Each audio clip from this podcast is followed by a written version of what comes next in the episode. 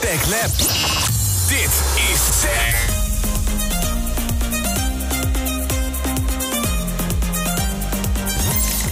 Welkom bij de Joh, dat is raar. podcast. Vandaag gaan we het hebben over onderwerpen zoals religie en abortus en zo. Dus, Janie, jij bent religieus, hè? Hoe is dat nou? Nou ja, kijk, ik ben er inmiddels aan gewend. Maar ik weet dat toen ik net religieus was, ik heel veel zeg maar raar werd aangekeken door mensen. Omdat ik zelf natuurlijk de enige in mijn familie ben die gelovig is. Dus dat blijft toch altijd wel een beetje een issue. En Dirkje, jij bent niet religieus, hè? Nee, dat klopt. Ik heb er niks tegen, maar ja, ik heb er ook niks mee. En eh, hoe is het nou om eigenlijk dan niet religieus te zijn en dan om te moeten gaan met mensen die dan wel religieus zijn, zoals Janie? Nou ja, ik vind het niet erg, want ze is niet anders. Ze is gewoon hetzelfde. Alleen heeft ze andere gewoonten dan ik heb. En Janie, hoe ben jij religieus geworden? Nou, de afgelopen twee jaar is er bij mij heel veel gebeurd. Zoals mensen die ik ben kwijtgeraakt of dat mijn, eh, een van mijn vrienden heeft zelfmoord gepleegd. En dat was voor mij emotioneel heel heftig. Dus ehm, ik vond toen een soort van mijn steun en toeverlaat in religie. Dus heftig. En hoe reageert jouw familie daar allemaal op? Nou, ze begrijpen me wel gelukkig. En dat waardeer ik ook echt heel erg. Want mijn familie is er echt nog iedere dag voor mij. En als er ook echt, als ik iets nodig heb, ze zijn er altijd. Dat is wel echt een dingetje. Maar ehm, ze reageerden niet anders of zo. Ze begrepen mij en ze zeiden van, nou, het is jouw keuze. Als jij dat wil, dan moet je dat vooral doen. En wij gaan daardoor niet anders naar jou kijken of jou anders behandelen. Ja, dat snap ik. En jij, Dirkje, heb je redenen waarom jij niet religieus bent? Nou ja, ik heb er niet echt een reden toe gehad om het te worden. Van huis uit ben ik het ook niet. Dus ik zie ook geen reden om te worden. Oké. En bijvoorbeeld abortus, dat is iets wat best wel taboe is bij mensen die religieus zijn. Omdat die natuurlijk niet vinden dat dat kunnen. Dus wat zijn jouw meningen daarover, Janie? Nou, ik zelf, ik ben niet zeg maar voor 100% tegen abortus. Ik heb wel een, dat ligt niet aan mijn religie, maar ik heb zelf gewoon een persoonlijke kijk er naartoe. Want ik vind het toch een moeilijk onderwerp en ik vind het toch heftig als je erover nadenkt. Het is toch een leven van iemand.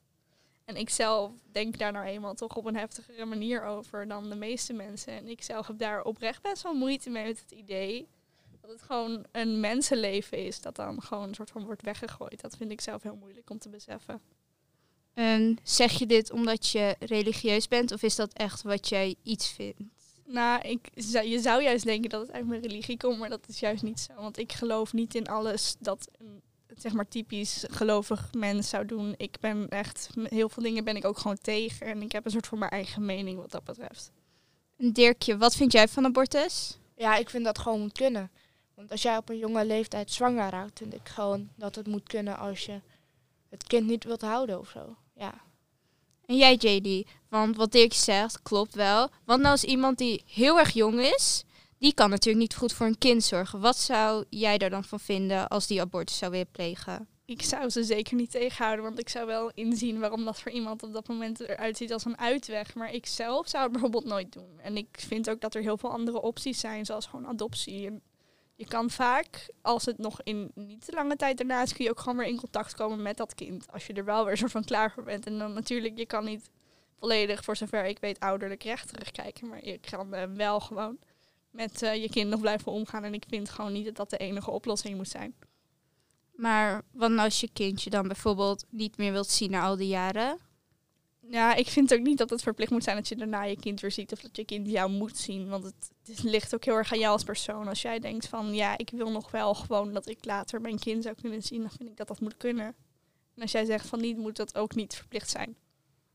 En Dirkje, wat vind jij, eh, vind je dat het besproken moet worden als je abortus wilt plegen of dat je het maar gewoon opeens moet doen? Nee, ik vind het wel belangrijk dat je het met je familie of je ouders bespreekt. Want het is wel een grote stap, kan je zeggen. Maar ehm, ja, je hoeft het niet met iedereen te bespreken. Ik zou het alleen bespreken met de mensen die dichtbij je staan. En wat nou als de vader tegen de abortus is? Ja, dan zou ik het niet doen. Want hij kan dan gewoon helpen met de verzorging en de opvoeding van het kind.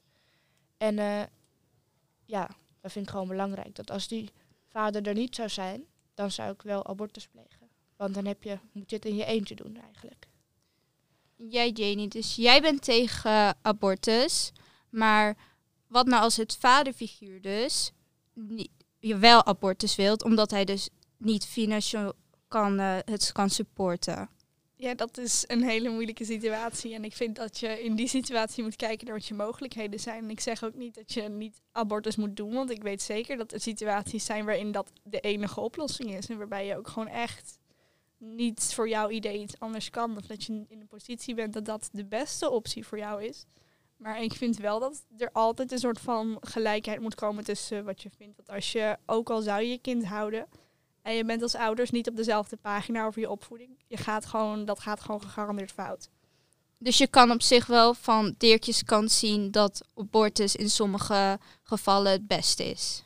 Ja, ik kan zeker inzien dat dat soms gewoon de beste optie zal zijn. Maar het- ik vind gewoon dat je daar goed over na moet denken. Aangezien ik vind dat sommige mensen daar helaas toch te snel de keuze voor nemen. En dat ligt niet zozeer aan het feit dat je abortus kan doen. Maar dat ligt ook meer denk ik aan de relatie tussen mensen en de familie om hun heen. Ook met vrienden en dergelijke waar je mee kan praten.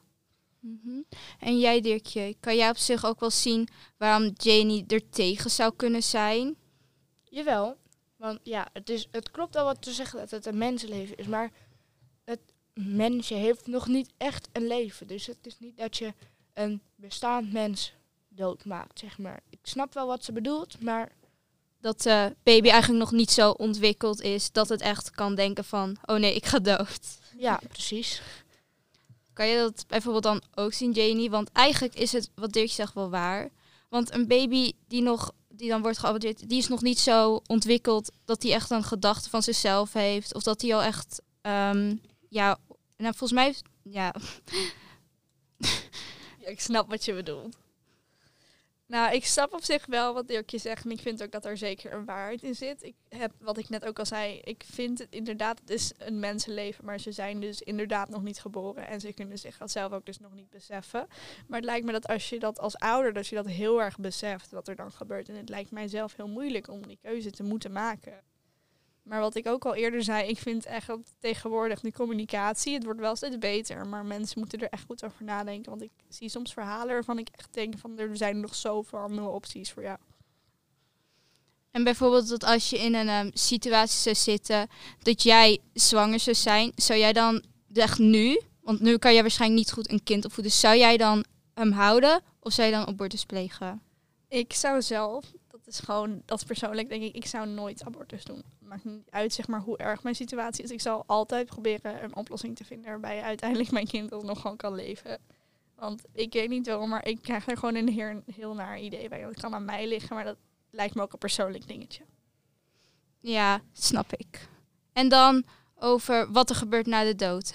Want waar geloof jij in? Wat denk jij dat er gebeurt na, als je doodgaat, eh Dirkje? Ja, ik denk dus wel dat er leven na de dood is, ook al ben ik niet gelovig. Het is vaak wel dat mensen zien die gelovig zijn, die denken dat er leven na de dood is, zeg maar. Dus jij gelooft in reïncarnatie. Ja. En waar geloof jij in, Janie? Nou ja, ik geloof dus niet in reïncarnatie, maar ik zou ook niet zeggen dat er een specifiek concept is waar ik in geloof. Ik geloof in ieder geval niet dat je gewoon in één keer dat je verdwijnt, zeg maar. Dat je gewoon, je bent dood en alles is klaar. Nee, dat geloof ik echt niet.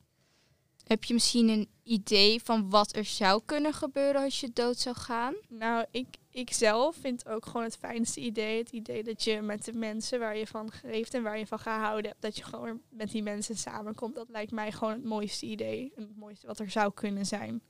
Dat klinkt inderdaad best wel mooi. Ja. En Dirkje, dus jij gelooft in reïncarnatie. Heb je ook een theorie van waarom reïncarnatie dus waar zou kunnen zijn? Ja, want als iemand doodgaat, bijvoorbeeld hij gaat met pijn dood, dan moet die persoon huilen. Dat is wel logisch als je pijn hebt. En een baby die opnieuw geboren wordt, die moet ook huilen. Ja, het klinkt raar, maar dat is mijn theorie waarom mensen, zeg maar, opnieuw geboren kunnen worden. En wat nou als mensen gewoon in één klap dood zijn, dat ze niet de tijd hadden om te kunnen huilen? Wat gebeurt er dan als ze worden herboren? Dan worden ze niet huilend geboren. Oké. kan, ja.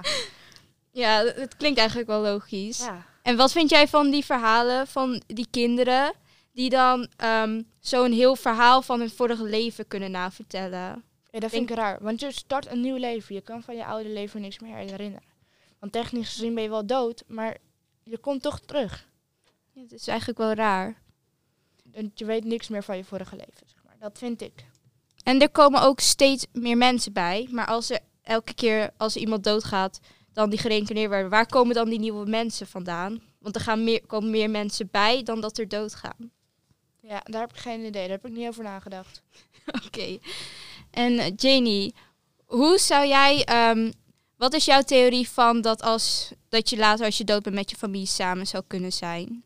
Nou ja, ik zou niet inzien waarom je opnieuw geboren zou worden. Want je bent zojuist van de aarde afgekomen. Waarom zou je dan teruggaan? Want ik zelf vind dat reïncarnatie onder paranormaal valt. Aangezien het is, je bent toch een ziel. En jouw ziel wordt dan, komt dan terug in een ander lichaam. En dan, ik, ik zie dat in ieder geval als paranormaal. Ik weet niet hoe andere mensen daarover denken. Maar mijn theorie is dus dat je gewoon, dat je ziel blijft dan. En dan, zeg maar, ja, sommige mensen noemen het dan de hemel. Maar dat je dan gewoon herenigd wordt met de mensen om van wie je geeft en om wie je houdt.